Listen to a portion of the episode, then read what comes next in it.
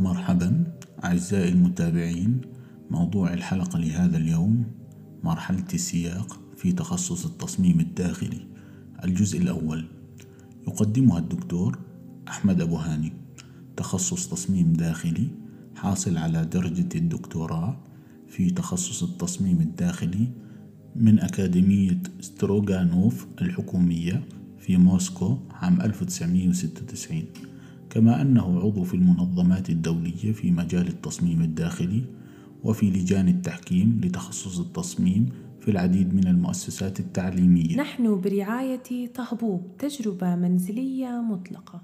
مرحلة السياق المرحلة الأولى والمحاضرة الثانية بتوضح هذه المحاضرة تطور التصميم الداخلي والأسلوب الرئيس المتغير عبر التاريخ وينظر في كيفية عمل صناعة اليوم. يتضمن عرضا موجزا لمختلف قطاعات السوق والتخصصات التي ظهرت فيما يتعلق بالتصميم الداخلي على مستوى دولي والفرص والتأثير التغييرات العالمية ويأخذ في الاعتبار دور وسائل الإعلام في الصناعة. قيمة الدراسة التاريخية للتصميم الداخلي كان هناك جدل كبير داخل عالم تعليم وتعلم التصميم في الآونة الأخيرة وحول قيمة الدراسة التاريخية فيما يتعلق بالتصميم الداخلي أما في الوقت الحاضر من المقبول عموما تطوير الأساليب المعمارية والتصميم الداخلي الرئيس يوفر مجال دراسي مفيد للغاية لطالب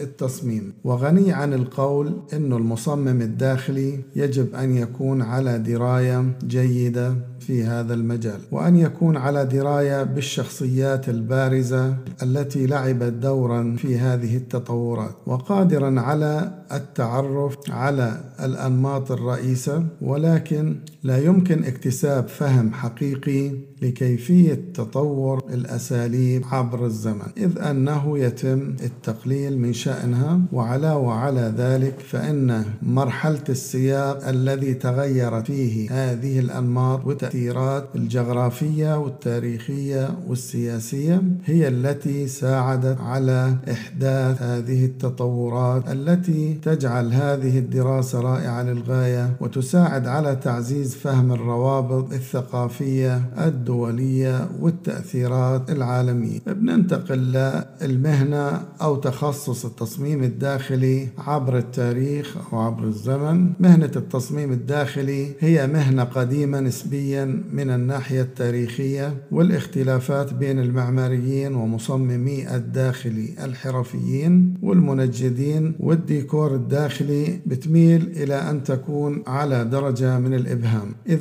نظرنا إلى التفاعل بين هذه المهن أو التخصصات المختلفة على مر القرون. ظهور نمط في القرن السابع عشر مثير للاهتمام. قدم هذه المادة الدكتور أحمد أبو هاني تابعونا كل سبت الساعة الرابعة بتوقيت القدس على منصات البودكاست. كان معكم محمد الرنتيسي من الكرياتيف سنتر.